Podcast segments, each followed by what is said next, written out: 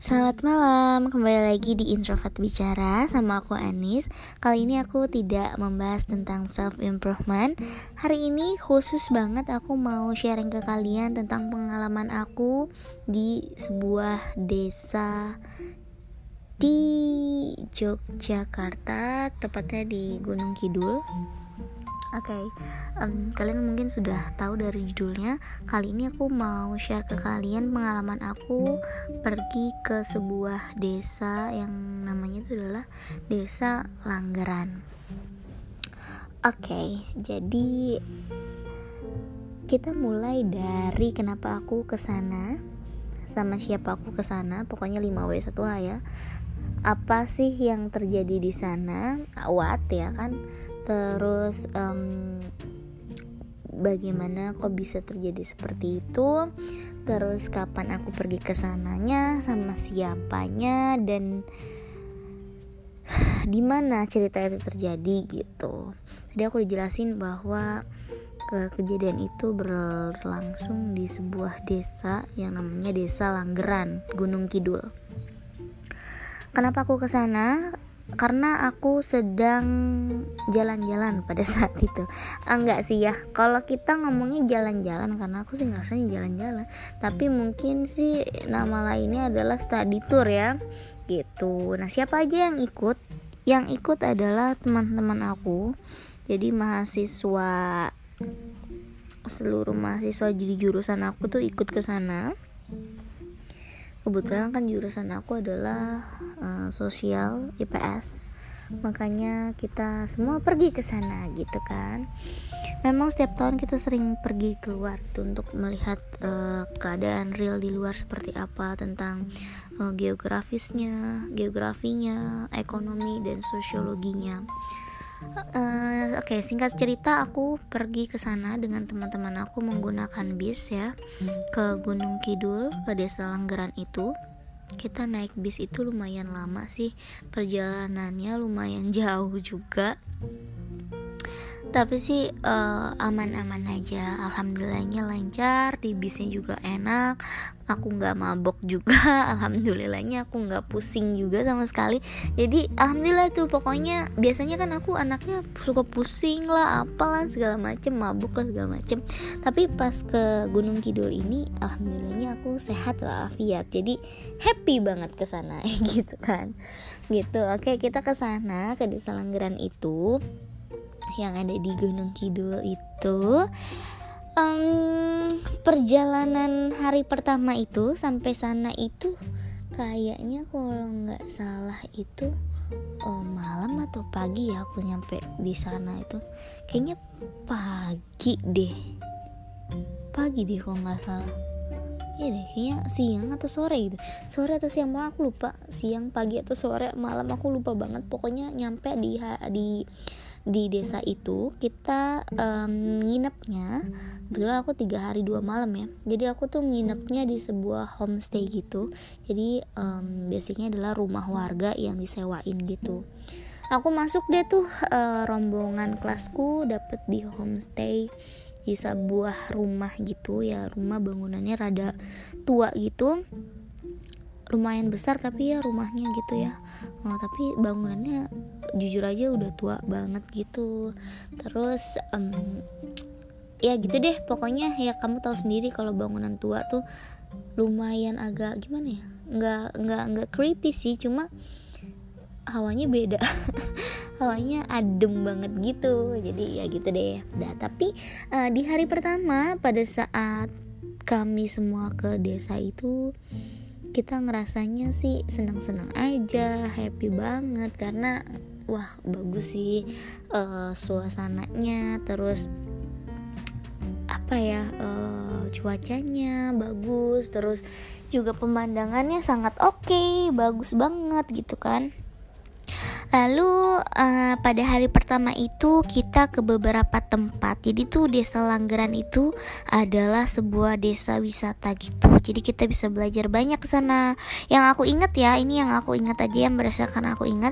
Hari pertama itu kita ke uh, kita melihat peternakan kambing atau sapi kambing etawa jadi susu etawa gitu geng nah susu etawa itu kita lihat langsung kambingnya seperti apa. Pokoknya kambingnya tuh kambingnya super banget deh. Jadi ya bagus gitu kualitas susunya.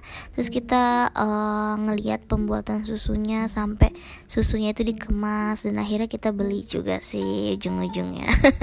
Gitu. Tapi ya so far enak sih. Cuma rada susu etawanya rada uh, menurutku pribadi agak agak apa tuh ya namanya?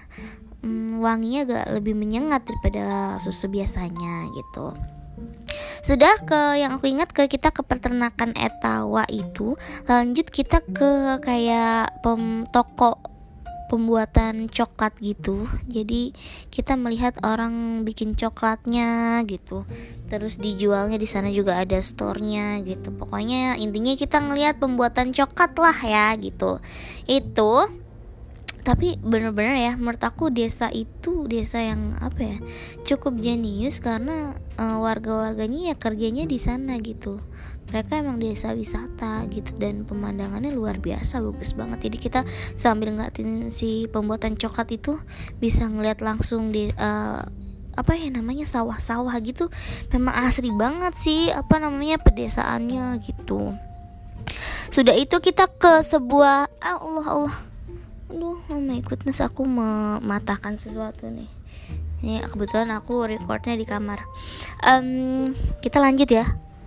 Aku uh, ke mana lagi? Aku ke sebuah perkebunan gitu perkebunan apa ya perkebunan coklat deh kalau nggak salah perkebunan coklat gitu. Karena kan dia ada store coklatnya makanya kita ngeliat-ngeliat perkebunan coklat gitu. Udah sih gitu doang. Abis itu di hari pertama oke okay, itu doang yang kita kerjakan di hari pertama. Oke okay, di hari pertama kita selesai kita kembali ke homestay uh, kita tidur dengan nyenyak alhamdulillah tidak terganggu apa pun. Aku sangat bisa bobo dengan tenang. Aku bersyukur pada saat itu terus juga nggak pusing sama sekali. Pokoknya so far so good pada hari pertama. Oke okay, ya. Kita masuk ke hari kedua di desa Langgeran Di hari kedua itu Kita itu um, Jadwalnya adalah melihat sunset di Gunung Purba ya kalau nggak salah ya. Di Gunung Purba kita uh, trekking dulu. Sebentar sih 15 menitan gitu kita trekking dari homestay kita naik apa tuh namanya naik mobil untuk menuju ke gunung itu. Dari gunungnya kita mendaki gitu trekking sebentar 15 menit untuk sampai ke uh, gunung itu si puncak itu untuk melihat sunsetnya. Nah sunset sunrise maksudnya ya sunrise. Kan pagi-pagi bo. Jadi subuh-subuh kita udah bangun tuh kita udah naik mobil menuju ke gunung itu gunung purba ya nggak salah. Aku kalau salah mohon maaf tapi seingat aku gunung purba sudah sampai situ kita trekking 15 menit dan asli itu bener-bener sunrise-nya bagusnya luar biasa subhanallah alhamdulillah. Bagus banget kita ngelihat langsung uh, si matahari itu muncul perlahan dan warnanya bagus banget banget banget. Pokoknya asli dinginnya dapat semuanya dapat karena capeknya juga kayaknya kebayar gitu kan. Pokoknya uh, memuaskan. Sangat amat happy pada saat itu karena kita juga foto-foto sama teman-teman. Aku lumayan hmm, rasanya sedih juga sih kan? Karena abis itu uh, itu adalah jalan-jalan terakhir sama teman-teman aku di sana gitu. Karena pada saat itu posisinya abis itu kita kayaknya PPKT dan skripsian gitu senang banget di gunung itu kita bisa melihat uh, sunrise ya luar biasa indahnya. Dari uh, kita melihat si sunrise kita makan pagi ya kalau nggak salah kita makan sarapan gitu. Kita sarapannya uh, di sebuah pendopo terus kita dengar-dengar cerita sejarah tentang desa itu uh, tentang ada yang namanya desa dengan kepala keluarga hanya tujuh tujuh kepala keluarga di desa itu. Jadi um, di desa Langgeran itu ada yang namanya ada sebuah desa lagi di desa Langgeran. Kalau misalkan kita naik lagi kayak lumayan jauh daerahnya dari desa Langgaran kita harus naik mobil gitu. Itu ada sebuah uh, kepala keluarga yang cuma ada tujuh kepala keluarga ya nggak boleh lebih nggak boleh kurang gitu. Itu memang ada sejarahnya kenapa begitu dan kenapa begini gitu kan. Nah, itu dijelasin tuh. Cuma memang pada saat itu kalau dengerin kayak gitu kan rame-ramean itu lumayan gak kedengeran. Dan apalagi aku biasanya di belakang gitu kan. Jadi lumayan gak kedengeran suara uh, orang desanya juga kecil jadi aku nggak dengar secara langsung tentang pokoknya yang aku dengar itu adalah di sini tuh ada uh, ada apa namanya ada tujuh kepala keluarga di puncaknya lagi gitu di puncaknya desa itu desa Langgaran itu di puncaknya ada tujuh kepala keluarga doang yang konon katanya kalau misalkan lebih dari tujuh keluarga itu bisa apa ya namanya bisa ada sesuatu yang tidak tidak mengenakan gitu kayak ada penyakit dan lain-lain gitu. Gitu pokoknya tentang itu ya sejarahnya. Habis makan pagi turun dari si sunrise itu ya.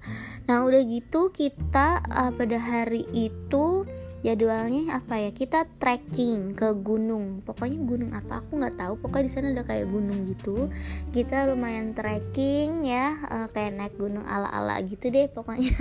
Karena mm, sudah ada treknya udah bagus banget sih treknya. Terus nggak terlalu jauh gitu pos satu dengan pos dua pos tiga gitu nggak terlalu jauh. Pokoknya uh, nanjak aja nggak ada belok nggak ada kayak hutan-hutan itu nggak ada. Pokoknya udah disiapin gitu trekkingnya tapi uh, sayangnya untuk yang perempuan itu tidak sampai puncaknya jadi cuma sampai di pos 3 kalau nggak salah pos 2 atau pos 3 deh waktu gitu tapi sih pos 2 pos 3 juga pemandangannya udah bagus banget sih udah luar biasa indah juga gitu kita bisa ngeliat uh, pemandangan dan angin dan sejuk di sana gitu kan. Tapi kalau yang laki-laki bisa sampai puncaknya mungkin jauh lebih bagus ya pastinya gitu. Nah sudah kita um, naik gunung ceritanya ala-ala ya trekkingan gitu. Lalu kita uh, menuju ini seingat aku ya kita menuju ke desa itu kita menuju ke desa yang dihuni tujuh kepala keluarga. Di sana kita diberikan tugas untuk mewawancarai mereka dan dan lain-lain ya pokoknya. Tapi kita uh, dari homestay itu kita harus naik mobil gitu, mobil kayak bak terbuka untuk sampai ke desa itu, ke desa yang dihuni oleh tujuh kepala keluarga. Nah, uh, sebenarnya aku di situ udah kayak agak ngeri gitu. Aku kan penakut ya. Aduh, aku ngeri kayaknya. Kok di desa itu berarti sepi dong gitu kan? Sepi dong karena kan cuma tujuh kepala keluarga doang nggak boleh lebih. Ya udah akhirnya kita semua ke sana kita berangkat naik mobil bak terbuka itu dan jalannya itu sangat amat uh, lumayan kayak ke puncak gitu loh. Uh, nanjak turun nanjaknya lumayan agak tajam turunnya juga lumayan agak tajam. Nah itu sampai di sana. Aku nggak ngerti mereka itu hmm, kalau misalkan mereka masak atau beli sayuran ke pasar itu naik apa? Dan gak ada yang jualan. Di sana benar-benar sepi banget nggak ada yang jualan sama sekali. Oke ya kita sampai ke di uh, desa yang dihuni oleh tujuh kepala keluarga. Di sana aku mewawancarai salah satu keluarga aku tanya mereka tuh kerjanya apa ya? Mereka tuh kerjanya ya di sini. Kayak uh, mereka uh, kalau misalkan sayur dia tanam sendiri. Jadi masak pakai tanaman mereka sendiri. Kayak gitu-gitu sih aku. Tapi aku nggak mau wawancara yang lebih dalam karena aku lumayan agak takut untuk menanyakan hal-hal yang creepy gitu yang yang sifatnya mistis gitu pokoknya yang jelas kalau yang aku tahu ya dari dari study tour itu katanya kalau misalkan uh, lebih dari tujuh kepala keluarga akan ada sesuatu yang nggak enak gitu bisa ada terjadi sesuatu yang nggak enak kayak penyakit dan lain-lain gitu.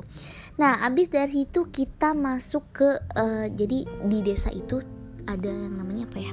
Kita ngelihat tapak kuda terbang kita ngelihat di sana ada tapak kuda terbang gitu.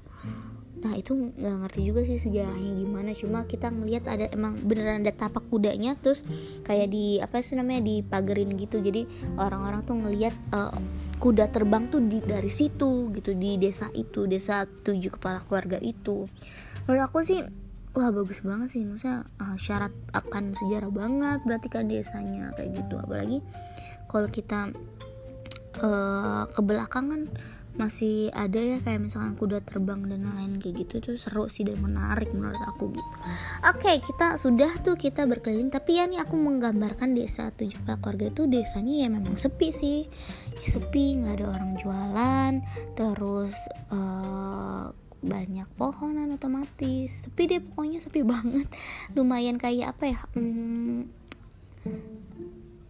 nggak terlalu apa ya nggak terlalu banyak matahari masuk karena kan ada pohonan gitu. Tapi ya sejuk sih di situ desanya sejuk dan sederhana banget sih menurut aku gitu. Kalau dulu oh, mereka bilang belum ada listrik tapi sekarang karena desanya dibuat desa wisata sekarang udah masuk listrik alhamdulillahnya gitu. Pokoknya desanya itu ya gambarannya adalah desanya sepi karena kan cuma dihuni tujuh kepala keluarga aja okay, gitu. Terus kita di desa itu kita bisa ngeliat tapak kuda terbang. Nah itu ya yang menarik di situ. Udah selesai itu kita pulang. Kita pulang seingat aku ya kita pulang lalu kita sore-sorean gitu. Nggak sore sih ya siang ya siang menuju sore itu. Kita ke yang namanya e, Lumbung. Jadi Lumbung itu kayak wisata gitu, ada kayak namanya apa ya? Kayak e, danau atau sungai gitu, sungai tapi kayaknya buatan gitu deh Lumbung gitu. Tapi kita bisa melihat pemandangan yang indah banget. Nah di sana itu kita naik-naik ke tempat yang bisa buat e, foto-fotonya, jadi kayak ada ala-ala gitu foto-foto ala Instagram gitu bisa tuh di situ sudah ada. Terus ya udah pokoknya tapi lumayan sepi banget sih pada saat itu. Cuma ada satu orang atau dua orang gitu yang datang ke si lumbung itu. Sisanya teman-teman aku semua gitu kan. Udah kita senang foto-foto karena pemandangannya lagi-lagi indah banget ya di sana di lumbung itu. Pokoknya oke okay, tapi ya emang sepi sih. Sepi banget sih gitu Nah, uh, kebetulan kita pulang dari si uh, Lumbung itu lumayan sore menjelang maghrib gitu. Kita naiknya naik uh, bak terbuka lagi, kita menuju homestay itu memang uh, apa namanya keadaannya sudah mau maghrib gitu, mau maghrib dan pada saat itu aku merasanya lapar banget ya, lapar banget, capek juga kan naik-naik ke uh, si lumbungnya itu dan foto-foto itu. Aku rasanya capek ngantuk ya pokoknya semua jadi satu. Lengket juga karena panas terus uh, lapar. Nah lapar. Nah pada perjalanan pulang menuju homestay itu aku ngeliat di di apa namanya di pinggir jalan tuh ada tukang sate. Nah ini kan pemandangan langka banget buat aku karena aku ngeliat di sepanjang desa Langgaran ini memang tidak ada yang jualan. Makanya aku senang dan excited nih aku harus beli nih sate ayam karena kebetulan lagi aku suka banget sate ayam. Jadi sate ayam itu adanya di kayak ping uh, di perapatan gitu perempatan atau pertigaan ya nggak salah. Itu ada tukang sate tuh dia lagi bakar-bakar. Wah aku seneng banget sih gitu kan aku pengen beli gitu. Karena itu lumayan deket lumayan deket tapi nggak terlalu deket gitu ya. Dibilang jauh juga nggak jauh banget dari homestay aku tempat aku nginep. Nah udah. Selesai aku pulang pokoknya pulangnya itu maghrib ya. Maghrib jam tujuan gitu. Maghrib jam setengah tujuh ya. Pokoknya jam tujuan gitu.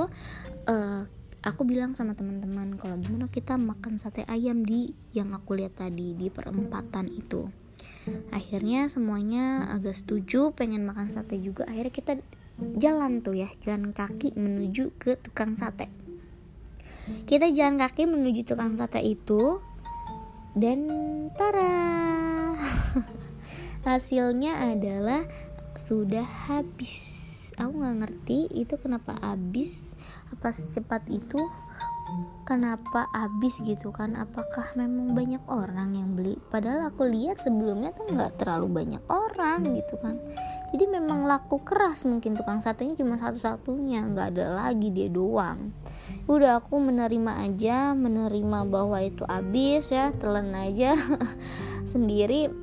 Aku nunggu jam makan malam sama teman-teman aku sama yang lainnya juga di nasi box gitu yang sudah disediakan Oke, okay, kita pulang, kita pulang, kita nunggu uh, makan malamnya jadi karena kita disediain sana. Akhirnya makan malam jadi, gitu kan? Kita harus ke aula. Kita dari homestay kita harus jalan lagi ke aula gitu, tempat uh, kita makan. Jadi semua teman-teman makannya di situ bersama dosen juga. Kita makan di sana sekalian briefing gitu untuk besok pulang, gitu kan? Sudah uh, kita jam pokoknya makanan ready tuh jam sekitar jam 8 setengah sembilanan baru ready. Padahal tuh lapar parah sih. Jadi bawaannya gimana ya? Udah lapar tapi udah kelamaan jadi udah nggak lapar jatuhnya gitu. Akhirnya kita ke aula sana kita dapat makan. Kita makan bareng-bareng di sana lumayan nggak udah nggak nafsu juga jujur aja udah gak nafsu juga karena udah kemalaman udah ngantuk juga. Posisinya kita dengerin briefing dengan mata yang uh, lumayan ngantuk-ngantuk gitu ya. Semuanya sih aku lihat ngantuk. Di sana juga malamnya dingin lumayan agak dingin ya. Tapi nggak terlalu dingin banget. Tapi yang jelas sih di sana kalau malam-malam kalau ngeliat bintang tuh berserakan bintangnya seindah itu gitu. Dah kita briefing kelar akhirnya kita ke homestay masing-masing untuk tidur. Karena besok paginya kita mau cabut kita mau pulang. Oke okay, nah hal-hal yang lumayan gak ngenakin terjadi setelah kita makan malam. Kita pulang makan malam di dari aula menuju homestay aku udah siap-siap sholat isya juga yang lain udah sholat isya juga. Mereka siap-siap mau tidur ya. Udah siap deh tuh udah pakai bajunya anget lumayan pakai jaket pakai uh, training pakai kos kaki. Pokoknya udah ready banget nih untuk bobo gitu kan. Semua teman-teman aku juga aku lihat udah udah capek karena capek posnya udah udah pengen bobo banget ya nah udah. Kayak kita bobo. Kita bobonya barengan jadi lumayan uh, anget gitu kan jadi anget. Aku udah menepati posisi bobo aku. Aku udah merem. Lumayan merem-merem ya. Udah pengen dikit lagi. Aduh sorry nih ada motor di tetangga aku. Malam-malam aku udah bobo tuh udah sedikit merem udah sedikit lagi uh, lelap. Aku tiba-tiba nah terjadilah nih hal-hal yang mistis di sini. Aku dengar suara, aku dengar suara ada anak perempuan tuh teriak. Teriaknya tuh kencang banget. Bahkan bukan aku sendiri yang dengar, teman-teman satu rumah itu juga dengar ada suara teriakan. Oke, di situ udah mulai kayak nggak enak banget perasaan aku. Aku gambarin perasaan aku tuh udah kayak campur aduk. Aku udah ngerasa wah nggak bisa tidur nih malam ini. Aku udah feeling gitu karena aku kalau udah mikirin aku kan mikirin terus gitu kan. Wah gila sih nggak bisa tidur nih pasti gitu. Aku udah campur aduk ya perasaan udah nggak enak. Terus kalau aku perhatiin ternyata di homestay aku itu yang punya homestay itu nenek-neneknya udah tua banget. Dan nenek-neneknya itu lumayan tidak apa ya tidak bukan nggak friendly sih. Cuma ya kalau dikatakan ramah ya nggak ramah tapi kalau nggak dikatakan tidak ramah juga nggak gitu juga tapi ya gitu deh kurang kurang lah ya kurang friendly ya jatuhnya. Jatuhnya sih creepy banget tuh nenek-nenek. Eh nggak tahu sih aku ini aku doang apa gimana cuma aku ngerasanya nenek-nenek itu penuh misterius gitu karena nggak pernah ngomong gitu. Panggilannya mbah gitu kan nenek-neneknya. Udah tua banget geng terus di rumah itu ternyata yang bikin uh, lumayan serem lagi ada foto gitu kayak foto keluarganya. Tapi foto keluarganya itu adalah foto-foto yang kayak vintage banget lah terlampau vintage dan jatuhnya itu kayak uh, foto zaman dulu banget yang nggak nggak senyum gitu tapi pakai baju-baju Jawa gitu. Jadi lumayan agak aku agak merinding juga. Aku jadi jarang kalau ke kalau tidur aku jarang ngeliatin foto itu nah terus tuh uh, di kam di homestay aku tuh kayak ada kamar dua gitu. Jadi kalau misalkan di kamar mandi penuh kan kamar mandi cuma satu tuh kan penuh tuh ya. Jadi kita ganti bajunya tuh di kamar itu. Nah kamar itu lumayan creepy juga karena bangunannya udah tua gitu dan ngerasanya kalau aku uh, di dalam kamar itu lumayan agak hawanya dingin gitu entah kenapa sih aku aja atau gimana nggak ngerti ya. Gitu. Nah udah ya. Kita balik lagi ke setelah aku mau meremin mata aku uh, terdengar suara teriakan anak perempuan yang aku tahu pasti itu salah satu dari kita. Dan oke okay, ternyata itu benar. Itu adalah suara teriakan teman aku. Tapi teman aku uh, sumber suaranya itu di homestay tetangga. Jadi kayak di tetangga gitu. Jadi kan kita homestaynya beda-beda gitu kan rumah rumah warga. Tapi uh, yang suara itu asalnya dari tetangga itu dari rumah tetangga itu yang ada teman aku nginepnya. Oke di situ kayak lumayan panik lumayan ngeri lumayan aduh kepikiran banget. Dan aku stres sendiri kayak aduh ya Allah aku pengen pulang segera aku pengen pulang segera gitu kan.